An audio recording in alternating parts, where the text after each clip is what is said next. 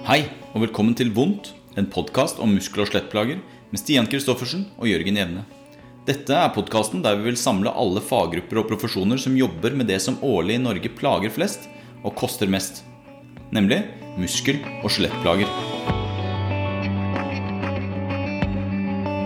Driften av podkasten Vondt hadde vært umulig uten gode samarbeidspartnere.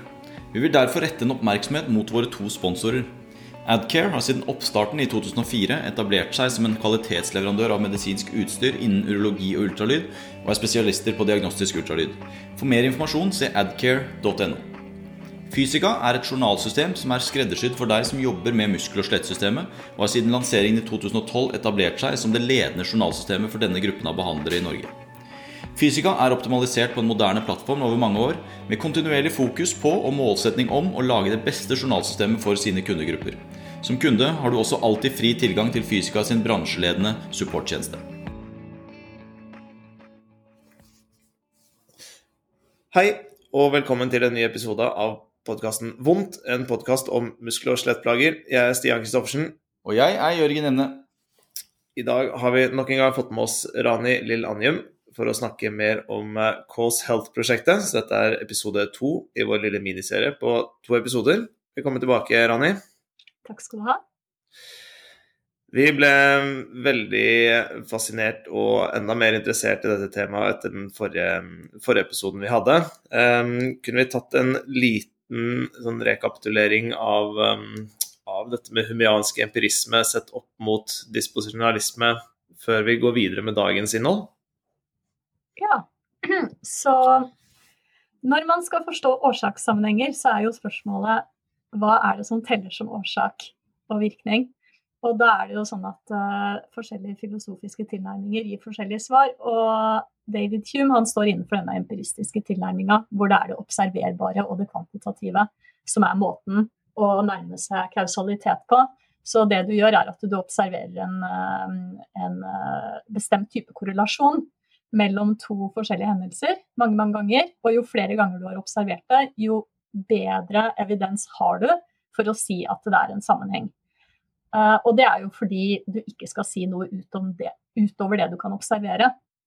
Um, men for Hume så var det jo sånn at du har ikke observert framtida, så det beste du egentlig har, er et veldig stort datasett. Um, mens ut fra en sånn disposisjonalistisk måte å forstå årsakssammenhenger på, så vil man heller være mer interessert i det kvalitative og de type egenskaper som er involvert.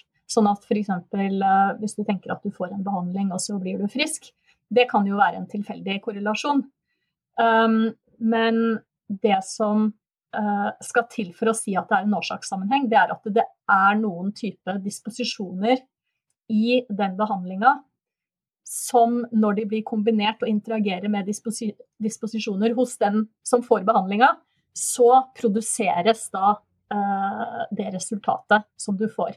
Sånn at vi snakker da om um, at det er kausale mekanismer da, som er det viktigste å forstå. Og de egenskapene som er med i, i, uh, i den kausale mekanismen. Da. Så det er en annen type forståelse, for uh, da kan du si at det er mulig at kausalitet foregår bare én gang, fordi det var den eneste gangen du hadde den unike sammensetninga av egenskaper sånn at du fikk den effekten. Så sett f.eks. en bivirkning. Da. Det kan være at en bivirkning kun skjer hos én person, fordi de er helt spesielle. Men for Hume så vil ikke det kunne være en bivirkning, fordi at for å si at det faktisk var en årsakssammenheng, så må du ha mange mange repetisjoner. Så uten repetisjon, ingen kausalitet. Ok. Så i, i måte, ja, både skolemedisinen og, og måte, forskningen og evidenshierarkiet nå, så er jo, så er jo på en måte disse manifestasjonene hos den enkelte blir jo avfeid som anekdotisk og ikke evidens. Du må på en måte ha du må ha funn på randomisert kontrollerte studier, systematiske oversiktsartikler, det må være data på, på, et populasjonsnivå. Det må være denne gjentagende at, at samme årsak skal gi samme effekt under ellers like forhold. Da. Så det dere snakker mer om, er jo at, at disse anekdotiske eh, kausale mekanismene i, i, like stor grad som populasjonsdata og RCT burde være evidens for at det skjer noe kausalt? Ja, også Man kan jo spørre hvor kommer disse dataene fra i utgangspunktet. De kommer jo fra enkeltpersoner. Eh, så det er jo egentlig bare summen av alle anekdotene, men i et system. Så det som skjer i det enkelttilfellet, altså uten dem så er det ikke noe data. Så hvorfor si at det ene er kausalt relevant, mens det andre ikke er det? Og særlig da hvis man tenker på uh, hvem er det som blir tatt med i kliniske studier. Mm. Det er jo veldig mange som ikke er med i det hele tatt. Så derfor så blir disse anekdotene da, som skjer utenfor kliniske studier, det er der man har anledning til å observere kanskje um, veldig sjeldne eller marginale eller uh, mer unike uh, effekter av en behandling. Sånn som f.eks. bivirkninger. da. Og dette skaper jo et ganske merkelig skille, eller om ikke merkelig, så i hvert fall veldig tydelig skille med at noe er riktig og noe er feil, noe er evidensbasert, noe er alternativt. Eh, det alternativet som da på mange måter skal falle utenfor skolemedisinen i form av hva vi kan bevise, eh, blir jo latterliggjort eh, på TV og i sosiale medier og, og ellers. Vi nevnte Folkeopplysningen i forrige episode som, som, så på dette. Men vi har på en måte aldri sett skolemedisinen utfordres på samme måte. Eh, altså Vi vet jo mye om at altså Det er jo skrevet bøker om at den ultimate placeboen er kirurgi. Vi har masse forskning som viser at kirurg, altså noen av de vanligste kirurgiske prosedyrene som blir gjort innen, innen muskel- og skjelettfaget, er ikke bedre enn placebo eller naturlig historie. Og på en måte den den veldig sånn falske dikotomien på at det er fint det å raljere med at uh, noen putter krystaller i trusa eller får ryggen sin manipulert eller får stukket en nål inn et eller annet sted og si at ja, det er alternativt, det er ikke evidensbasert, men samtidig stå innenfor at den, den evidensbaserte medisinen, når man forsker på den, er, kommer jo ikke ut noe veldig mye bedre. Så, så hvorfor, synes, hvorfor, tror du det er sånn, at ikke, ikke det her utfordres i større grad? Altså det der har jo med hvordan eh, vitenskapen på en måte er bygd opp og blir litt sånn selvforsterkende innenfor det man da kaller vitenskapelige paradigmer. Fordi at eh, en altså, skolemedisin da, står jo innenfor et paradigme som mange har kritisert for å være f.eks. Eh, altfor biomedisinsk og reduksjonistisk og dualistisk. Skiller veldig klart mellom eh, det mentale og det fysiske, f.eks. Um, og så kommer det da uh, f.eks. erfaringer, kliniske erfaringer. Det kommer kanskje teorier, det kommer andre stemmer som er kritiske og prøver å utfordre da, denne type uh, begrensninger som er satt innenfor det paradigmet. Men med en gang du går til et paradigme og stiller spørsmålstegn med hvilke vitenskapelige metoder de setter øverst, eller uh, de reduksjonistiske teoriene de er bygd på, så, så, er det veldig fort at du da havner innenfor kategorien uvitenskapelig. Og, og sånn er det jo med vitenskapelige paradigmer, at enhver som prøver å utfordre det rådende, vil per definisjon være utafor. Uh, og dermed være uvitenskapelig. Men alle, også, alle de vitenskapelige teoriene vi har i dag, har jo en gang vært alternativet.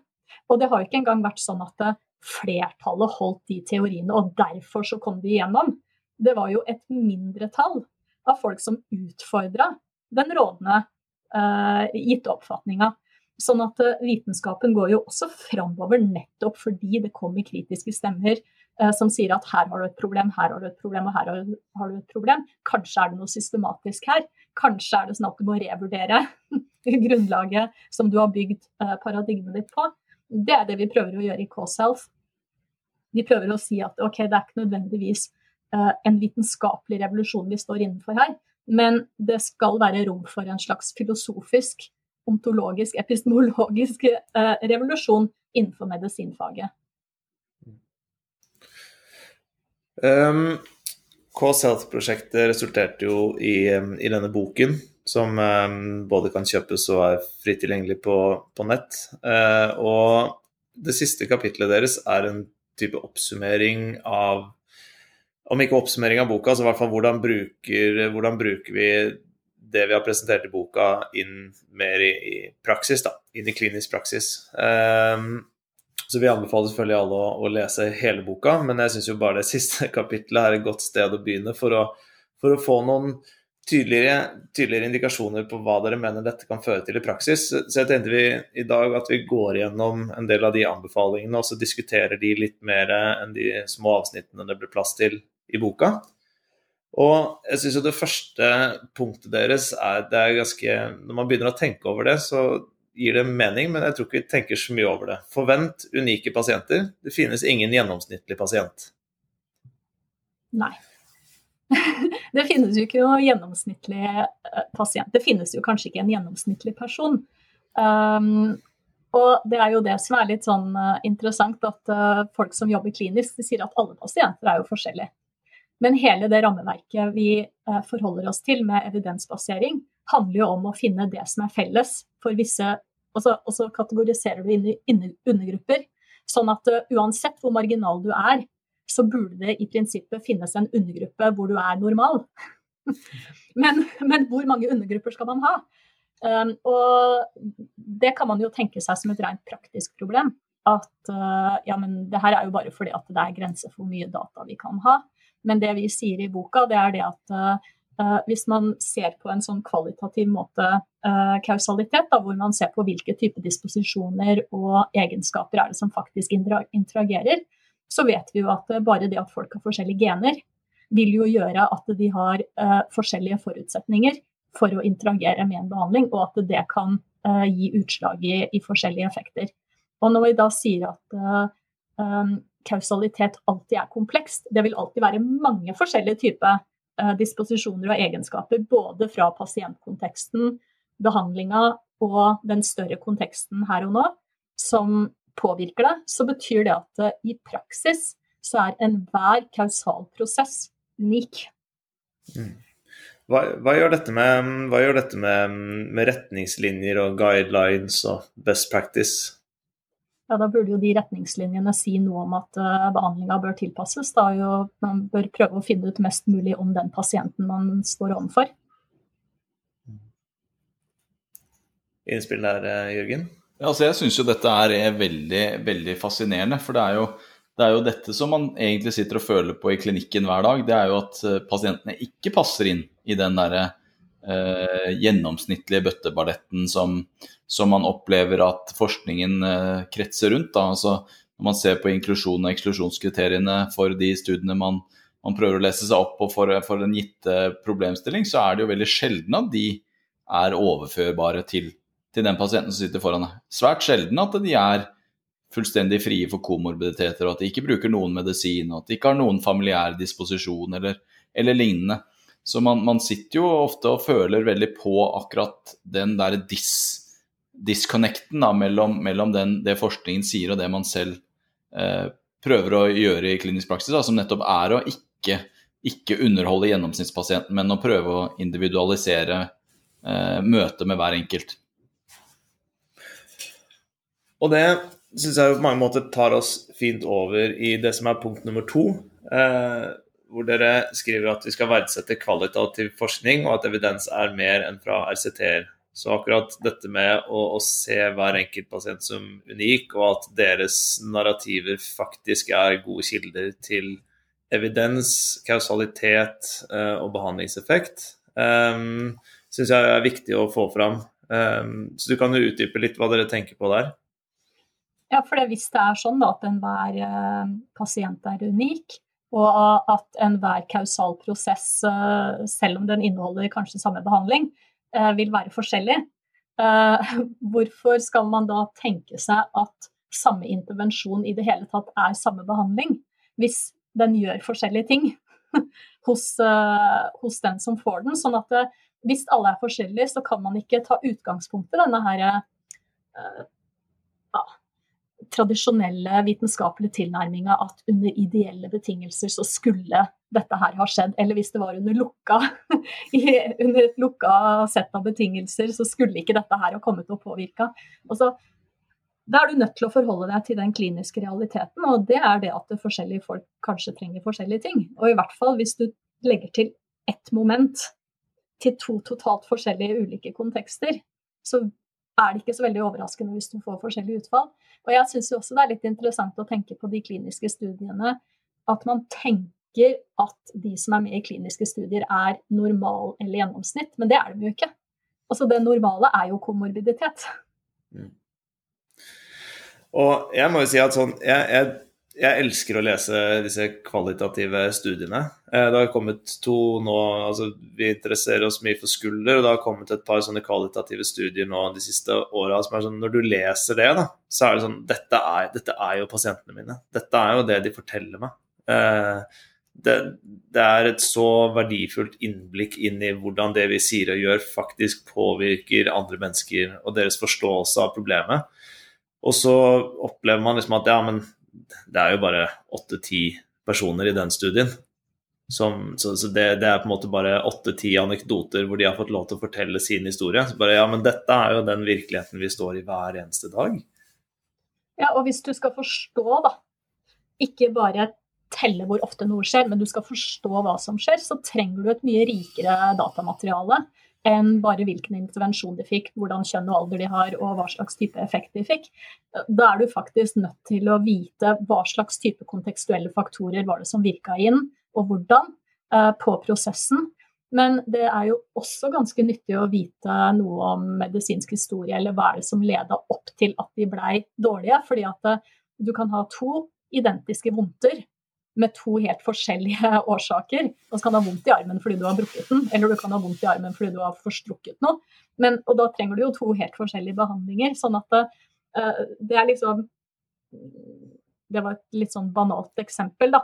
Men veldig ofte så er det jo sånn at uh, vi kan observere symptomen, symptomene, men vi kan ikke lett observere årsaken til symptomene.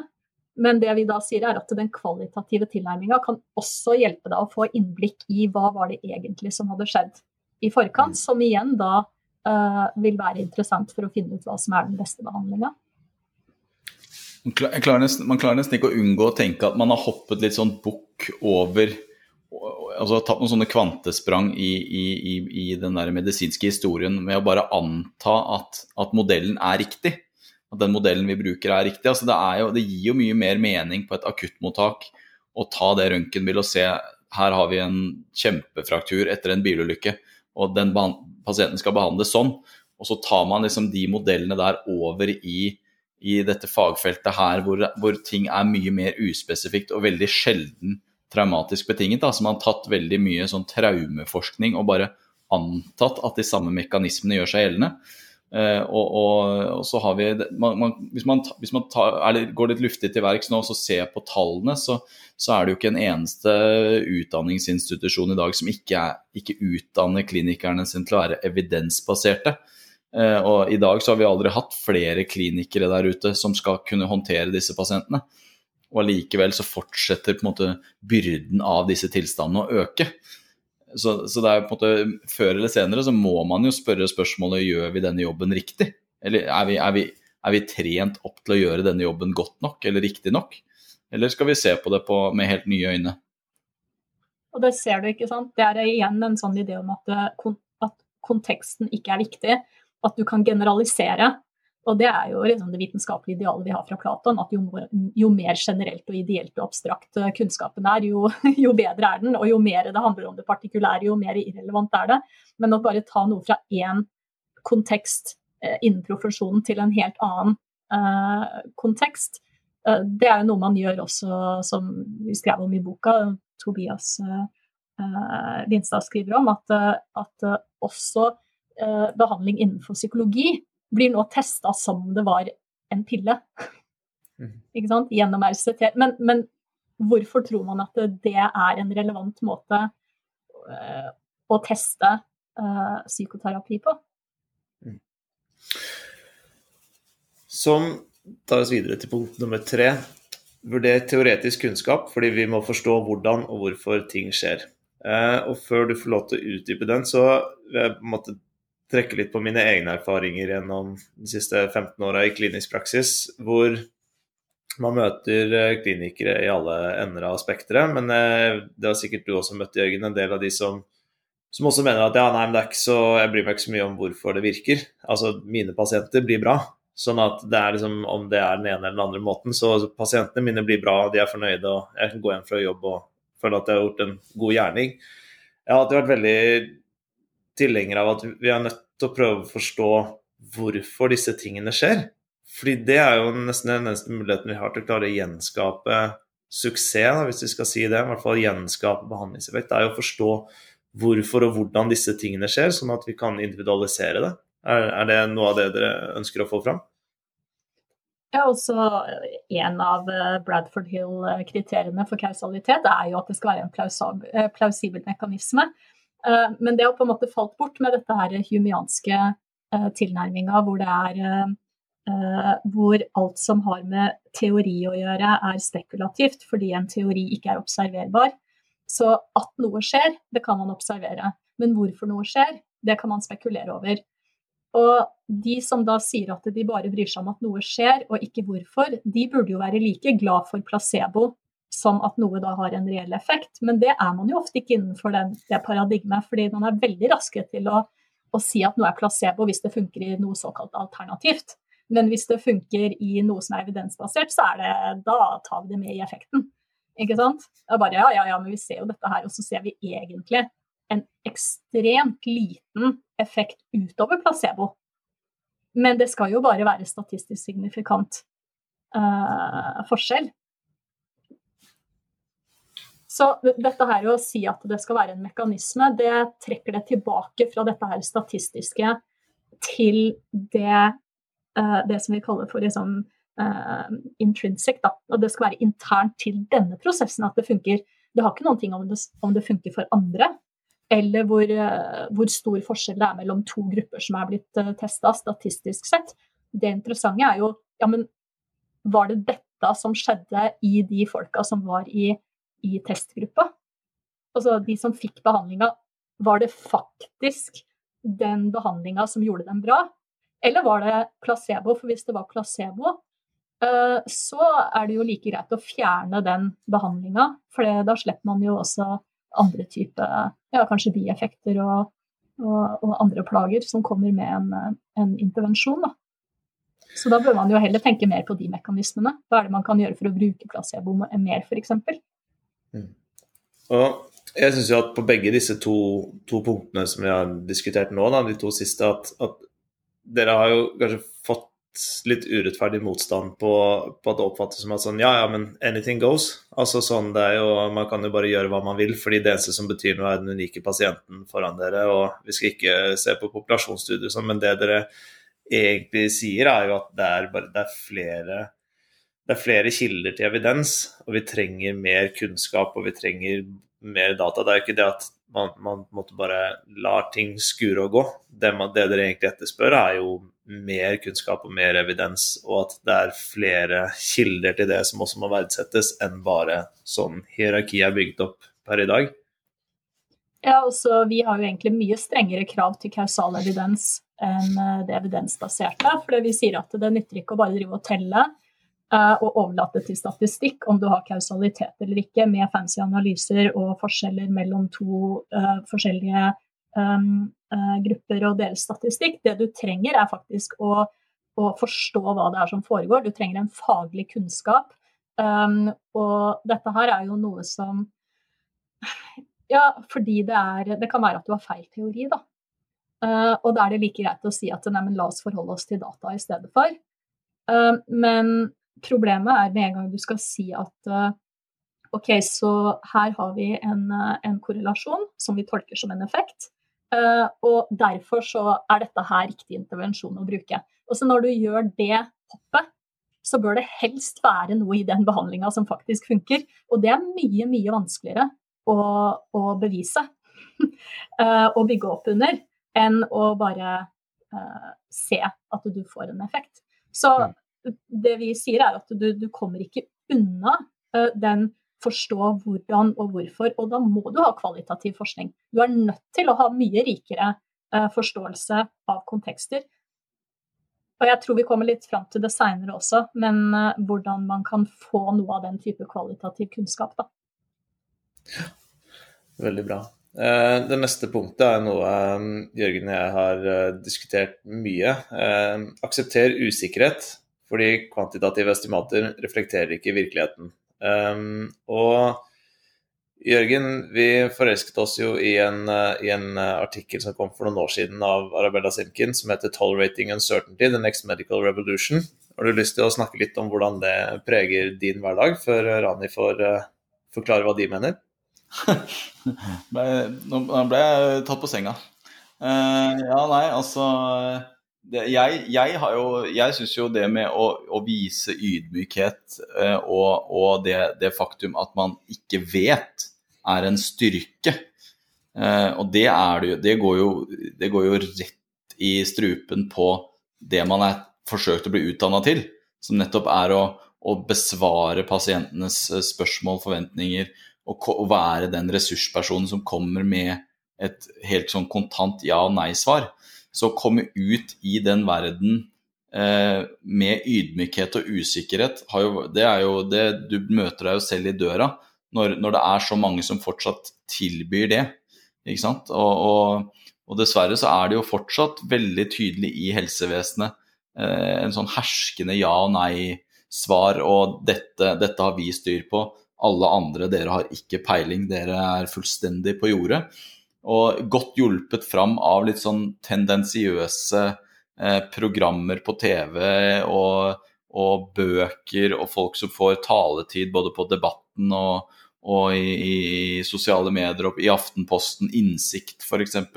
Som de får ganske tydelige stemmer, og det er jo veldig lett å påpeke feil ved alle andre. Eh, når du ikke trenger å løfte liksom, debatten opp på et litt høyere nivå og se at det er akkurat de samme problemstillingene som gjelder over hele linja. Så så jeg, jeg, elsker jo den artikkelen og syns jo den går rett hjem eh, for, for mine, mine, tanker. Og dette med å faktisk tolerere usikkerhet og ikke minst inkludere pasientene i den, i den reisen, syns jo jeg er, er, spennende. Men det er jo på ingen måte alle pasienter som tåler det. Så det kommer jo igjen tilbake til, til punkt én, at det finnes jo ikke noe gjennomsnittspasient. Så man må jo tilpasse det til individet, tenker jeg. Og ta de med og så på en måte tilpasse det narrativet der eh, til, til, hver enkelt. Men det er jo også mye sånn Altså, man snakker om usikkerhet, men samtidig så kan man bruke sånne eh, estimater som sier liksom 37,5% sjanse for at det funker for deg. Og da høres det ut som at ikke det er usikkerhet, men en enorm sikkerhet som ligger i bunn. Det høres uhyre uh, vitenskapelig ut. Men med en gang man har sånne tall, så er det jo en bestemt form for eh, sannsynlighet og risiko man snakker om. fordi at det, da betyr det at det, du har telt i en bestemt studie, eller i så og så mange i en metastudie, hvor ofte du får et bestemt utfall. Og så tar du det tallet og legger rett inn i den individuelle eh, pasienten, og så sier du her er din risiko ut fra f.eks. kjønn og diagnose, eller hva det nå skal være. Og det er ikke en realitet. Altså, det er jo det vi kaller for den økologiske feilslutning. Å gå fra, øh, å gå fra populasjonsestimater uh, til individet. Det er jo litt sånn som jeg er jo helt svett av det der teite BMI-ideen, øh, som faktisk skal brukes på liksom, nasjonalt nivå. Det skal ikke være sånn at alle skal ha den og den BMI-en, uavhengig av hvordan, hvordan skjelettet ditt er. Dette er jo et folkehelsebegrep. Um, det er ikke et klinisk begrep. Sånn at det å si at uh, Ok, så sett at du forstår mekanismene ved å f.eks. falle av sykkelen i nedoverbakke 30 km i timen på asfalt. Så skal du finne ut ok, hva er risikoen for å, for å brekke armen. Og fordi dere forstår alle mekanismene, så betyr ikke det at dere kan si at det er 13,7% sjanse og så et sånt tall, det kan du kun få gjennom å telle hvor ofte folk som har falt på sykkel i de betingelsene, eh, faktisk brakk en arm. Og jeg syns jo det er så viktig å løfte fram det her, i hvert fall i, i vår bransje inn i klinisk praksis, og at vi, vi, blir jo på en måte utdanna i det å skulle finne en årsak til å kunne besvare spørsmålene til sånn, ja, dette er en grad to strekkskade, det tar åtte uker, vi skal gjøre disse tingene, og så er du tilbake. på en måte. Og så har du selvfølgelig noen skadetyper og noen diagnoser som du kan uttale deg med litt større grad av sikkerhet og sannsynlighet, da, basert på bl.a. god forskning og biologisk plausibilitet, hvor vi, vi har vi har noen indikasjoner på et tidsperspektiv, f.eks. Men måtte, langt på vei majoriteten av de menneskene vi møter, er jo ikke i den kategorien i det hele tatt. Eh, og bare det å ha kommet dit i, i, yrkeskarrieren sin at du kan si at det, jeg vet faktisk ikke. Men det er ikke fordi jeg ikke vet, men det er jo fordi disse tingene vet Jeg kan ikke si det med sikkerhet og være ærlig på det. Og det er jo klart, Jeg tror ikke jeg hadde klart å gjøre det rett ut av fysioterapiutdanningen med de første pasientene jeg hadde i klinisk praksis, eh, og, og, være trygg nok i det. og tenker jo at Jeg skulle gjerne sett at utdanningene i større grad enn da, hvordan det gjøres nå, er jeg usikker på, men i hvert fall større grad gjorde meg i stand til å takle den usikkerheten. Ja, dette, dette, har vi jo snakka mye om eh, før, Stian, også. Det, det, her det, her er jo en, en, reise som man er i mentalt også. Det er jo ikke Jeg, jeg lurer litt på hvor, hvor, stor rolle utdanningsinstitusjonene har i det, rett og slett. Eh, jeg tror kanskje at en del av problemet i dag er at det er mange som er blitt utdanna til å bli kiropraktor eller fysioterapeut eller naprapat, som kanskje heller burde vært snekker, på en måte.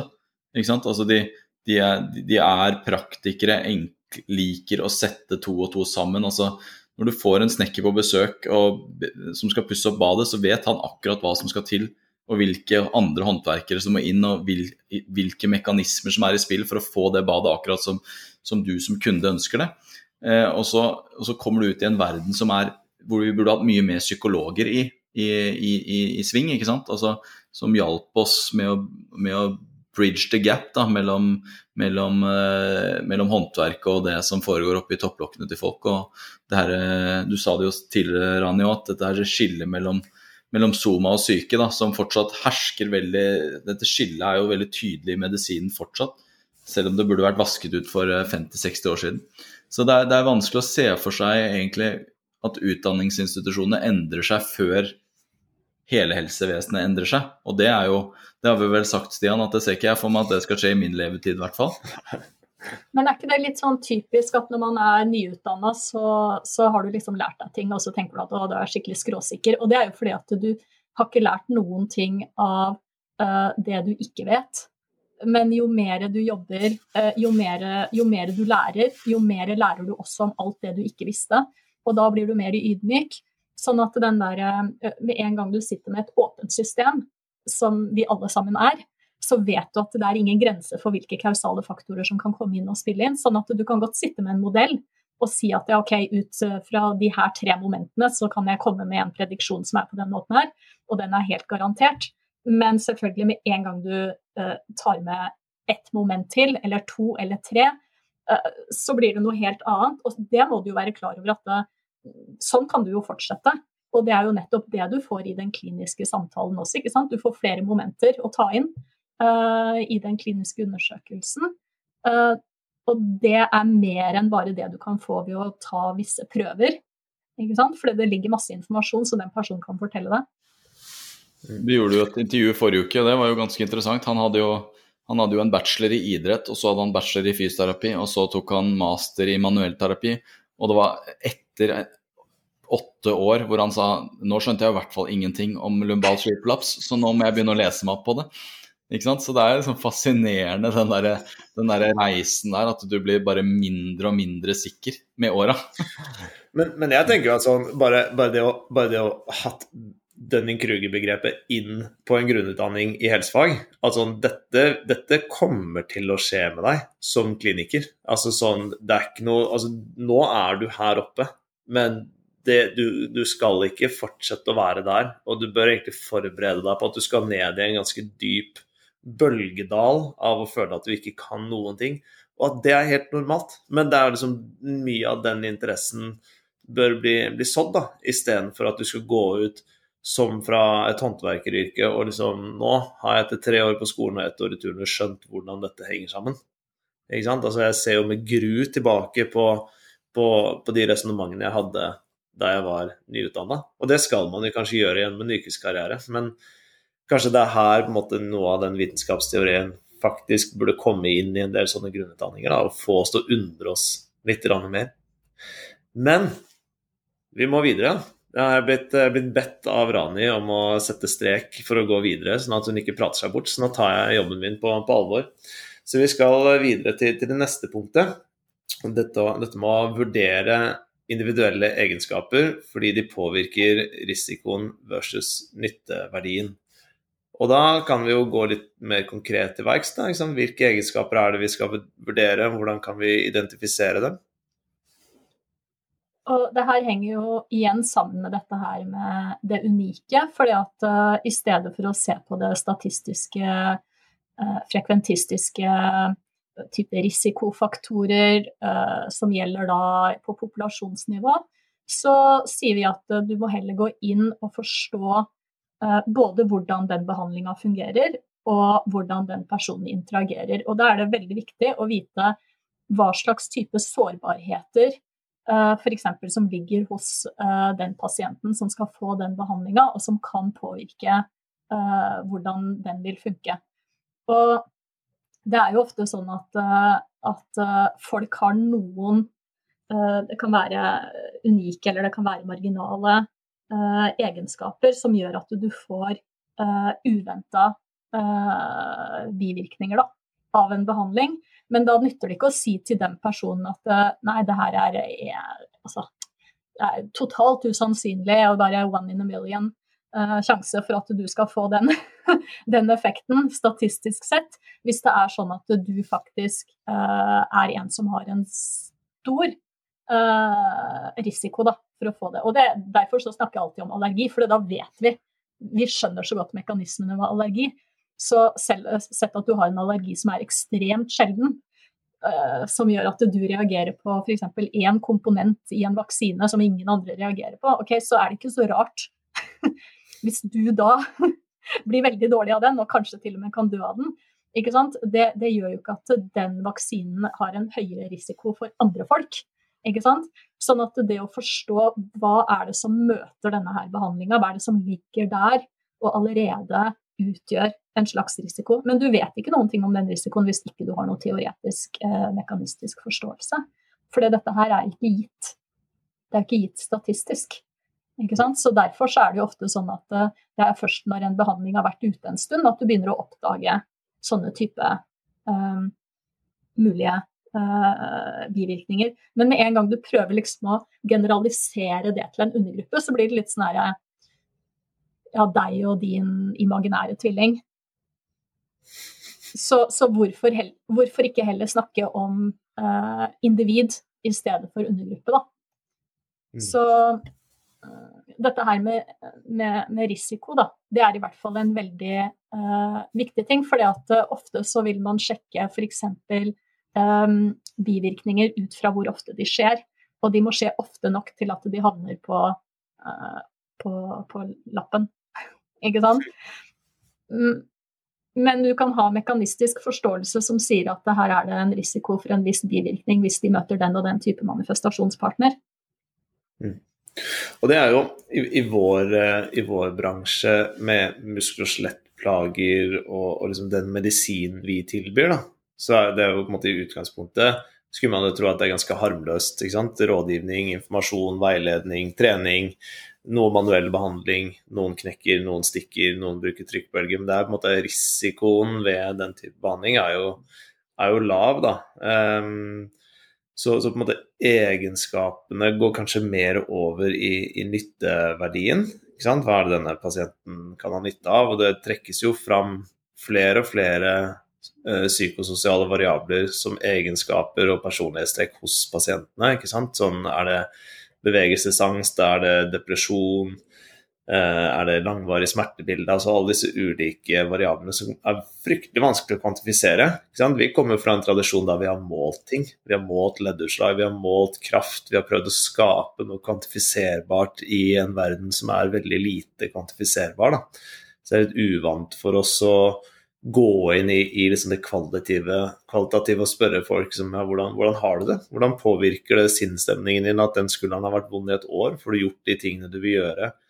Og jeg synes Det er viktig å få fram at, liksom, at dette er jo egenskaper hos pasientene som kan bikke behandling i en eller annen retning, som, som, er viktig, viktig, å forstå.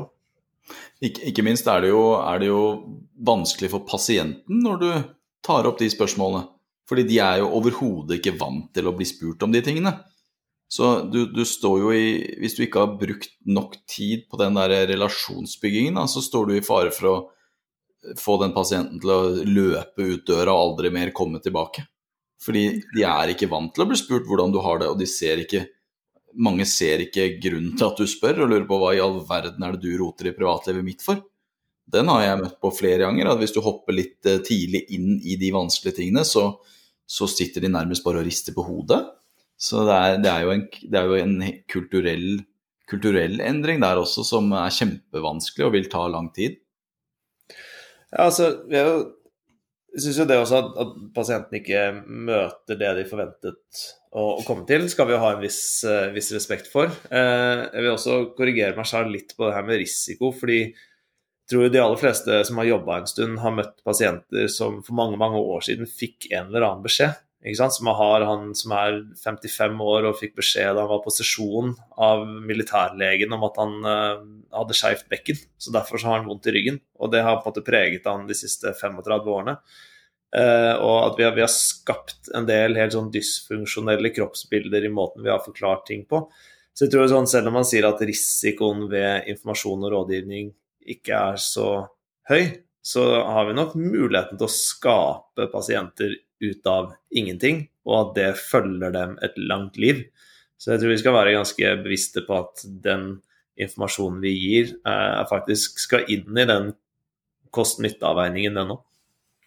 Og det kapitlet i boka vår som er mest lest, er jo skrevet av uh, ei som har kroniske smerter, og som er blitt behandla av hun sier kanskje 30-40 fysioterapeuter. Uh, og hun sier jo at hun har blitt mer skada enn uh, hjulpet uh, de første årene av hennes liv. Og det har jo, at, har jo, også med at hun ble bedt om å gjøre øvelser som, som, gjorde ting verre for henne. Sånn at man kan jo godt tenke seg at ja, visse øvelser skal funke bra, og det er ikke skadelig. Men, men, det er klart at det kommer jo an på hvem det er, og hva slags type skade det er. Og så har du jo også med f.eks. Uh, noen er veldig sensitive for uh, bivirkninger av smertestillende. Sånn at hvis det heller ikke er noen smertestillende som fungerer for dem, så må man også tenke annerledes rundt, uh, ja, rundt behandling. Og alle kan kanskje ikke behandles heller, så mm. det, er ikke, også, det er vel ikke umulig å skade folk innen fysioterapi heller. Nei, det er, det er, nok definitivt ikke umulig. Jeg tror jo eh, Jeg vil anbefale alle som hører på det her, om å både høre podkasten med Kristin på, på Words Matter og lese, lese kapittelet. Det er, en, det er, en, sterk historie. Jeg tror veldig mange klinikere kan kjenne igjen pasienter de har fått langt ut i et forløp, da, som kan beskrive noenlunde samme forløp innom mange ulike behandlere.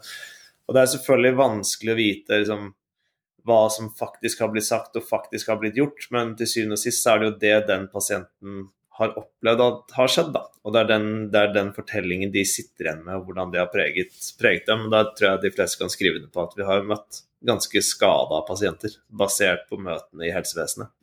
Så det skal vi være ganske ydmyke for. Og det tar oss elegant over til neste punkt, når Jørgen har fått sagt sitt. Ja, Det var egentlig bare en kjapp digresjon om, om dette med bivirkninger. altså det er vi snakker jo ofte om bivirkninger i en sånn alvorlig medisinsk eh, kontekst, hvor, hvor, hvor, hvor, den bivirkningen er en medisinsk problemstilling. Mens eh, det du snakker om der, Stian, er jo eh, det er kanskje ikke like alvorlig som vil slå ut, en, eh, slå ut i en statistikk, men kanskje, kanskje vel så alvorlig i den, i den, konteksten av det livet, da. Som du sier at Jeg vet ikke hvor mange pasienter i uka jeg har, som, som sier at de har et kort bein og et langt bein. De husker aldri hvilket som er hvilket, men de har fått beskjed om at ett av beina var for lange og ett av beina var for korte for 100 år siden. ikke sant? Og, og, og jeg, da pleier jeg å si når du ikke husker hvem som er hvilken engang, så tror jeg nok ikke det er så stort problem. ikke sant? Men, men, men, men, eh, men de har lagd seg et, et, narrativ om at dette er et problem da, som de må få retta opp. Og, og, det er nok ikke gjort i, i ondskapens fortegn den gangen det ble gjort. Men, men like fullt så er det det som er blitt hørt da, og, og, tolket og, og, og grodd seg fast. Så det er en vanskelig overbevisning å endre på det der.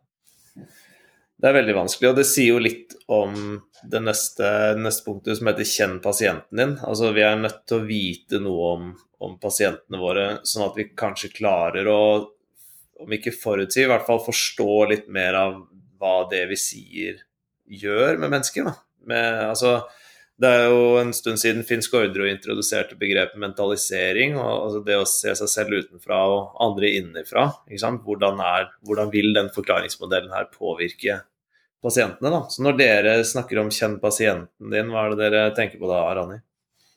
Altså Hvis man sier at kausalitet skjer fordi det er mange typer disposisjoner som kommer sammen og, og innvirker, og noe av dem interagerer lineært og noe ikke lineært, noe forsterker, noe gjør det eh, svakere, eh, så er det kjempeviktig å forstå den konteksten som er da det vi kaller manifestasjonpartner. Og så Jeg husker vi skulle ha julebord en gang på jobb, og så var det ei som da holdt på å dekorere. Så hun drev og spraya masse steiner og saker og ting med gullmaling. Og så etterpå så begynte hun å skulle tenne stearinlys. Og det var jo ganske heftig. Eh, de flammene ble ganske store i forhold til hvordan de pleier å være ellers. Um, og det rent mekanistisk så kan man jo forstå det, ikke sant. Det var den konteksten. Men vanligvis så tenker man liksom at ja, du tenner på et lys, og så da vet du akkurat hvordan effekten er. Men, men, å tenne på et lys handler jo ikke bare om å fyre opp den fyrstikken og sette den bort til uh, verken. Også, det handler jo også om hva er det som er rundt. Uh, og da er det jo også litt viktig å vite om den verken du tar det bort på, om det er dynamitt, eller om det er stearinlys, eller om det er fullt av, eller om den oksygenen er oksygen eller fullt av helt milde gasser. Og, så, ikke sant? og det er det den pasienten er, da. ikke sant? Er den pasienten et stearinlys, eller er den et, eh, en dynamittkubbe, uh, eller er det Og hva slags kontekst står den i? Hva er det de går hjem til?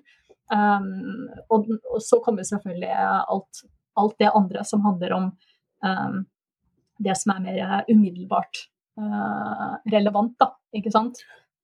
Og her, og her syns jeg vi ser et av de åpenbare problemene i, i helsevesenet også. Altså, dagens helsevesen er jo overhodet ikke tilrettelagt for at vi skal kjenne pasientene våre. Vi skal jo bruke, sånn ideelt sett, er jo å bruke så lite tid som mulig. At det skal koste så lite som mulig. Og det er derfor vi har guidelines og retningslinjer, og at det skal være strømlinjeformen. At det er jo, det er jo ingen som setter av én time på et sykehus for å sitte og snakke med en pasient som har hatt vondt et sted i 15 år. Det skal jo helst bare gå så fort som mulig, og så tas noen bilder av. Så det er jo klart at den, det er her vi ser konsekvensen av et evidenshierarki som former retningslinjer og guidelines og inn i, i dette med å kjenne pasienten din. Du trenger jo ikke kjenne pasienten din hvis den bare skal være et gjennomsnitt på en datalinje som skal inn i den kategorien av behandling.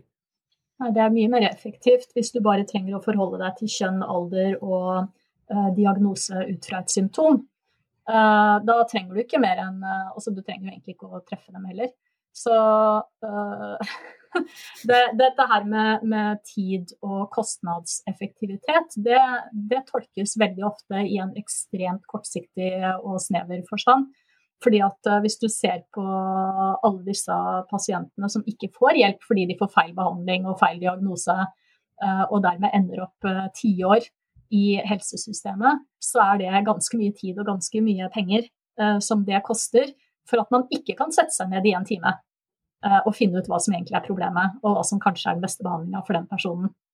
Og det som var litt interessant med den siste samtalen vi hadde den siste podkastepisoden vi hadde, mener jeg det var, hvor uh, hun Christine Price var med, det var at hun sa at hver gang hun kom til en behandler, så stilte de samme diagnose og ga henne akkurat samme behandling. Selv om hun nettopp hadde blitt behandla på akkurat den måten, og det ikke hadde funka, men gjort ting verre, så skjedde dette her gang på gang på gang fordi det var evidensbasert. Og da er det jo litt sånn Så for henne var det masse tid, men for dem var det kort tid. For henne er det stor kostnad, for dem er det lite kostnad. Og så er det selvfølgelig forskjellige budsjetter. Og dette er jo fordi vi står innenfor et sånt New Public Management-system hvor alt skal drives som en business og med uh, rask produksjon. og så kaller vi det kvalitetssikring. Eh, det er jo eh, tvert imot. Og, og det å tro at eh, en standard som brukes rigid på masse forskjellige kontekster, at det er den beste kvaliteten og det mest effektive. Altså, det tror jeg man ser i klinisk praksis, at det er ikke det som, det er, ikke det som er realiteten. Hvis ikke de siste ti minuttene nå fører til en liten yrkesmessig breakdown i dusjen likevel, så tror jeg ikke man har tenkt godt nok gjennom budskapet her. Ehm, det er jo, Man blir jo nesten litt sånn halvdystopisk på det, det systemet man, man står, og, står, og, jobber i. Men uh, man må nå i hvert fall erkjenne at uh, det er noen utfordringer ved det for å komme videre. Um, som også tar oss videre til neste punkt om at klinisk evidens bør forme forskning, fordi det er der kausal kompleksitet oppstår. Den må du forklare. Ja, og det er jo fordi at når man skal være med i en klinisk studie, så skal man f.eks. ikke ha komorbiditet. Og man skal heller ikke bli utsatt for fryktelig mange behandlinger heller, fordi at du skal teste én og én hver for seg. Og, og, det handler jo om å skape disse her litt sånn kunstig ideelle betingelsene som man trenger for å se om Eh, behandlingen utgjør en forskjell. Og det at eh, en årsak er noe som skal utgjøre en forskjell for effekten, det er jo et sånt humiansk eh, konsept. Um, og da er det veldig viktig da, at du sjekker én og én. For hvis du sjekker to typer behandlinger samtidig som skal funke for det samme, eller noen, på, eller noen har komorbiditet som kanskje påvirker og innvirker, så vet du ikke lenger hva det er du har funnet. Men for å tenke at de resultatene du finner når du isolerer og separerer, at de er representative også for eh, mer komplekse pasienter, da, mer komplekse situasjoner, så må du jo nødvendigvis tro at menneskene også er litt sånn der fragmentert. At uh, ja, å være komorbid, det betyr bare liksom den armen pluss den armen. Det er ikke sånn at uh, Det er ikke liksom noen ny enhet vi snakker om. Um, så derfor så blir det uh, Derfor så blir det veldig viktig å på en måte forholde seg til de pasientene som faktisk kommer i klinikken, da. For de er allerede kanskje komorbid, masse forskjellige behandlinger. De står i en eh, rik eh, kontekst som gjør at ikke det lar seg teste på dem. Så f.eks. man tester ikke kanskje i, det i kliniske Man tester kanskje ikke på gamle syke, kronisk syke, Kanskje ikke på barn, kanskje ikke på gravide. Men på et eller annet tidspunkt så får disse folka en bestemt type behandling når ting er ute på markedet. Og da kan du observere hva som faktisk skjer i mer realistiske situasjoner. Og da sier jeg mer realistisk fordi vi snakka om normalpasienten. Det er ikke nødvendigvis normalpasienten som er i de kliniske studiene. Normalpasientene er kanskje, hvis det skulle finnes noen normalpasient, det er jo det at de er litt vanskelige og unike. Men med en gang du har en unik kontekst, um, hvor du har all den kompleksiteten, så kan du faktisk gå i dybden på det og se hvilke type ting som spilte inn. Og da lærer du mer om kausale mekanismer. Hvordan får vi til, hvordan får vi til det her i praksis, da? Hvis jeg, hadde ikke vi en, eh, en til eh, Vi har jo f.eks. Uh, dette her med å lære, seg, lære om marginale og outlier cases. Sånn at uh, når du da skal uh, se på disse her komplekse uh, situasjonene, da, så er det jo ikke bare det at det er komplekst som er interessant. Det som er interessant, er at du får nye hypoteser som du må undersøke. Når noe skjer som ikke kom fram i studien, så viser det at her kan det være nye typer innsikter som bør komme tilbake til forskning. Men hvis forskninga kun skal uh, gi råd til eller styre det kliniske, og ikke vice versa, så får du jo da forskning som ikke nødvendigvis er klinisk relevant. Så for å få klinisk relevant forskning, som da tross alt skal bruke på det kliniske, så må jo det kliniske også få lov til å være med og si det her er den type problemstillinger som vi trenger å vite mer om. Her er en type, her er en type såkalt marginal eller uventa um, effekt som, som, vi faktisk trenger å vite noe mer om. Fordi den kan kanskje lære oss noe mer om hvilke typer mekanismer som ligger i bunn. Så derfor så snakker vi om uh, å få kausale innsikter fra disse her uh, uh, Vi kaller det failure cases, da, når ting går galt. Uh, I stedet for å da si ja, huff, de fleste får jo hjelp. Så det at det er liksom noen få som ikke det funker på, det var ikke mange nok til at vi trengte å bekymre oss for det. det kan være den derre OK, non-responders. Det, det, det funka ikke på dem, men det gjør ikke noe. Da kan man heller gå inn og si OK, hvorfor funka det ikke for dem? Å ja, var det fordi de også hadde, eller de heller hadde, eller de i stedet var Og da er jo det kausal informasjon.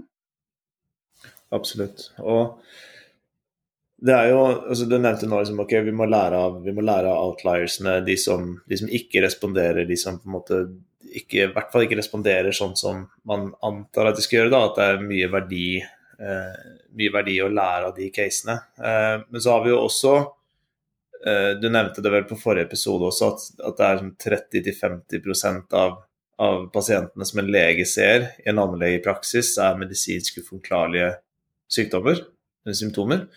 Eh, så det er, jo, måte, det er jo en såpass høy andel at det kan ikke kalles outliers engang. da.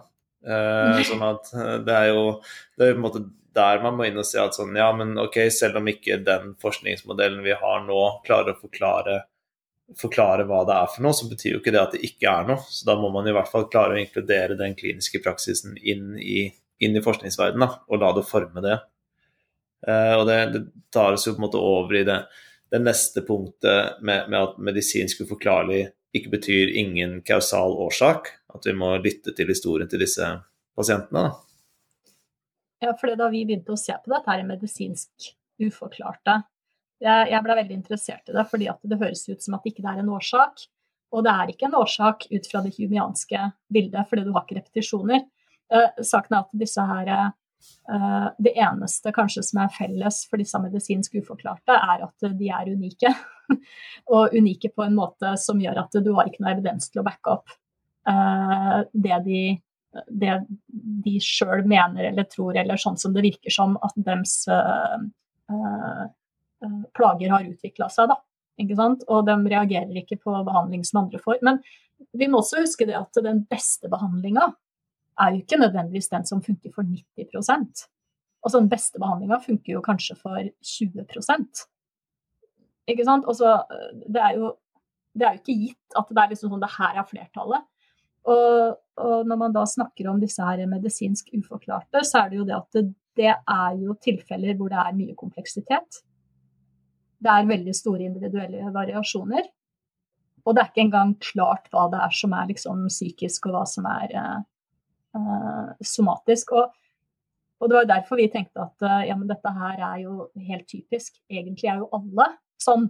Alle har jo komplekse altså Uansett om du bare har én plage, så er det, er det mer enn én ting involvert. Sett at du har spenningshodepine, da. Ja, men det er jo mer involvert, eller at du har stive skuldre som da plutselig gjør at når du skulle løfte noe, så var du så fikk du en skade fordi du var så anspent. ikke sant? Og så hva er Det som det er jo komplekst. ikke sant? Det er jo ikke bare én, én ting. Og, og, det at det er individuelle variasjoner, ja, men det vet vi jo. Det vet vi jo allerede bare fordi folk er forskjellige og folk lever forskjellige liv. Um, og det at det er en form for unikhet, ja, men det vet vi. Fordi vi har gener og ingen har samme kombinasjon av noe som helst. Så derfor så er det der å, å, å si at ja, bare for at du har disse her kriteriene, betyr ikke at ikke det er kausalitet involvert. Og det betyr heller ikke at ikke man kan finne en plausibel kausal forklaring når du snakker med en enkeltperson. Men hvis du da skal finne noen RCT-er som backer opp, så vil du ikke gjøre det. Mm. Og dermed så er det, dermed så er det alternativ og en kvakksalver. Da er det ikke noe årsak. Jeg, tenker jo, jeg tenker jo litt at uh, dette er jo en såpass stor gruppe pasienter, eller en massiv mengde mennesker, da, som ikke passer inn i den der, i den der tradisjonelle um, medisinske modellen, uh, hvor som vi har snakket om nå med New Public Management, og ting skal være effektivt, og det skal være ja, nei, inn, ut. Og så kommer du der med en kjempevanskelig historie som du selv har stort eierskap til, og så blir du da kanskje møtt med mistenkeliggjøring og ikke bli trodd osv. Og, så og dette er jo ikke bare noe som går igjen i én del av medisinen. Det er jo, det er jo hos eh, kiropraktorer, fysioterapeuter og alle oss andre også. Og så er det jo hos Nav og fastlegen og sykehusene. ikke sant? Passer, de passer rett og slett dårlig inn, fordi de responderer ikke sånn som vi vil. Og dermed så eh, blir det nesten en sånn derre eh, Ja, nesten eh, I hvert fall min opplevelse er at mange pasienter sitter med en slags skyldfølelse, nærmest. Ikke sant? Så de, de ender med at de, de, tenker at det er dem det er noe feil med. Men, men eh, kanskje er det oss da som ikke, ikke vet hva vi skal gjøre med de, og dermed mistenkeliggjør vi det isteden. Og jeg var faktisk på et foredrag en gang hvor en gikk så langt som å si at uh, han trodde ikke på ME. Og det er en grunn til at det ikke finnes ME i Sør-Afrika, for der har de ikke et, uh, velferd, en velferdsstat som kan støtte dem. Jeg tenker Når du er sånn ledende professor innenfor ditt felt og sier noe sånt, så kan du liksom tenke deg litt sånn måten pasientene her blir møtt på i mange instanser. Det er mm. garantert ikke særlig enkelt. Og det er derfor det er så, så fint at vi har den del to i boka, hvor, eh, hvor, eh, de som faktisk sitter i klinisk praksis og møter de folka her sånn, som da ofte blir stempla som medisinsk uforklart. Ikke sant? Hvordan de gjennom å bare stille andre typer spørsmål uh, fint kan komme opp i hvert fall med nok forklaring til at her er det en vei å gå. Uh, og sånn som Anna Louise Kirkeengen og Kai Brynjar Hagen og Brian Broom og Ralph Edwards og ikke sant? Også de sitter der sånn med Og, og Karin Moen Engebretsen som jobber med mange med utbrenthet, ikke sant? Også som bare har fått vite at det er ikke noe feil med dem, eller de er deprimerte, eller uh, og bør gå på antidepressiva, eller at uh, de må jobbe mer fordi at det er så fint å jobbe hvis du har depresjon. så det her er folk som liksom står like mye i kamp med Nav-systemet som med, det, med helsevesenet. Um, men det er på en måte veldig lite uh, hjelp å få, da. Um, det siste punktet, som runder av en bok, uh, en prosjekt, uh, to episoder på denne podkasten og gud veit hvor mange episoder på andre podkaster. Men det siste, the last point to, to rule them all, gjør opprør, for medisin og helsefag må være mer enn positivistiske vitenskapelige idealer. Ja. Hvordan skal vi gjøre opprør, Rani? Det her, er det, her er jo der hvor paradigme, paradigmeskiftet kommer inn. Da. Her trenger vi en vitenskapelig revolusjon. Um, og det å sitte innenfor et helsesystem uh, som står støkt innenfor en reduksjonistisk og dualistisk uh, ontologi, uh, det gjør jo at man kan godt sitte der og mene at uh, pasienten er en person som må tenkes som en helhet ut fra sin historiske, sosiale kontekst. Men allikevel så blir de forskjellige delene av den eh, pasienten sendt til forskjellige spesialister og får forskjellige diagnoser og forskjellige behandlinger. Sånn at det, eh, er fryktelig vanskelig når hele systemet uh, fungerer på den måten, og all den evidensen som skal bli tatt seriøst, skal komme fra denne her evidenspyramiden som de fleste sier at de har gått fullstendig bort fra, uh, men som allikevel råder. Vi hører det jo også nå innenfor uh, covid-19-debatten, ikke sant, og masker, ikke masker. Og så hvor er evidensen, sier man. Ikke sant? Og her har man brukt masker på sykehus og i behandlinger i, i årevis fordi at man forstår hvordan de funker, men man leiter fortsatt etter RCT-er. Ikke sant? Så, så, dette her med hva det er som teller som evidens, og hva det er som teller som uh, god behandling, uh, og så hele rammeverket, og så alle de betingelsene som uh, klinikere blir satt innenfor, er jo dette her humianske paradigmet. Og hvis ikke man sier ifra altså, Hvem er det som skal si ifra? Altså, det er jo profesjonen sjøl som er nødt til å si ifra til du ti minutter. Det går ikke an.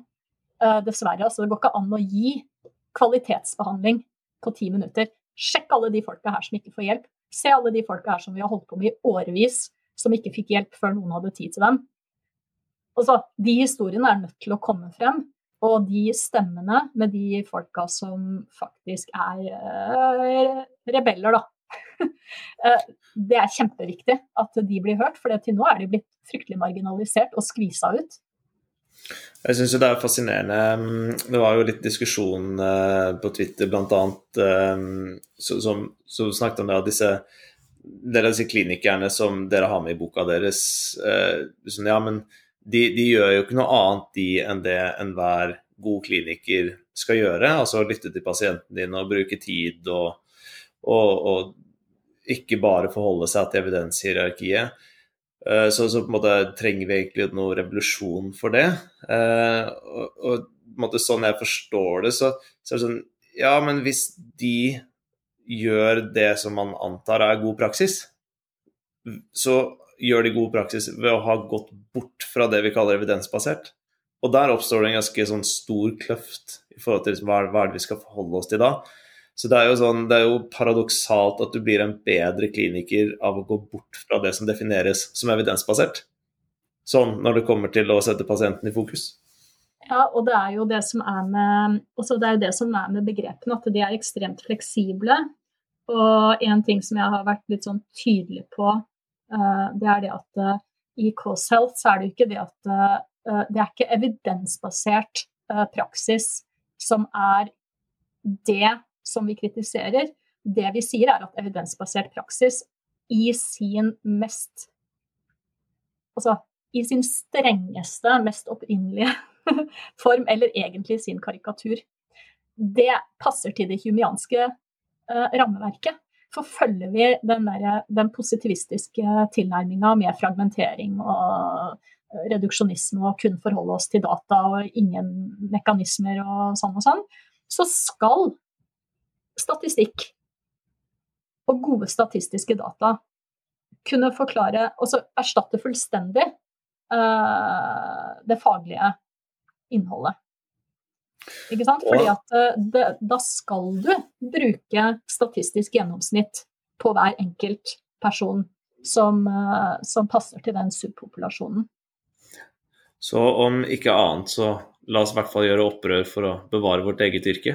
Og så kanskje vi, så kanskje vi, gjør, noe, vi gjør noe godt for pasientene i fremtiden også. Eh, Rani, det har vært en eh, glede å få bli eh, kjent med deg og få lære av deg. Eh, dette, disse to episodene var eh, liksom manifestasjonen på hvorfor eh, jeg ville starte å lage podkast i utgangspunktet. Det var jo for å lære mer av folk som jeg egentlig ikke visste at fantes der ute. Så um, tusen, tusen takk for all jobben dere har gjort i Cause Health og for at du valgte å bruke tiden din på to tjommer som oss og dele tankene dine på, på poden. Nei, tusen takk for at dere inviterte meg. Også det er jo fordi vi snakker med folk som er i profesjonen, at vi lærer hvordan ting er. Og så Ellers så vet vi jo ikke hva som foregår i det hele tatt. Da runder vi av og sier tusen takk for nå, og jeg håper at vi møtes igjen på et senere tidspunkt.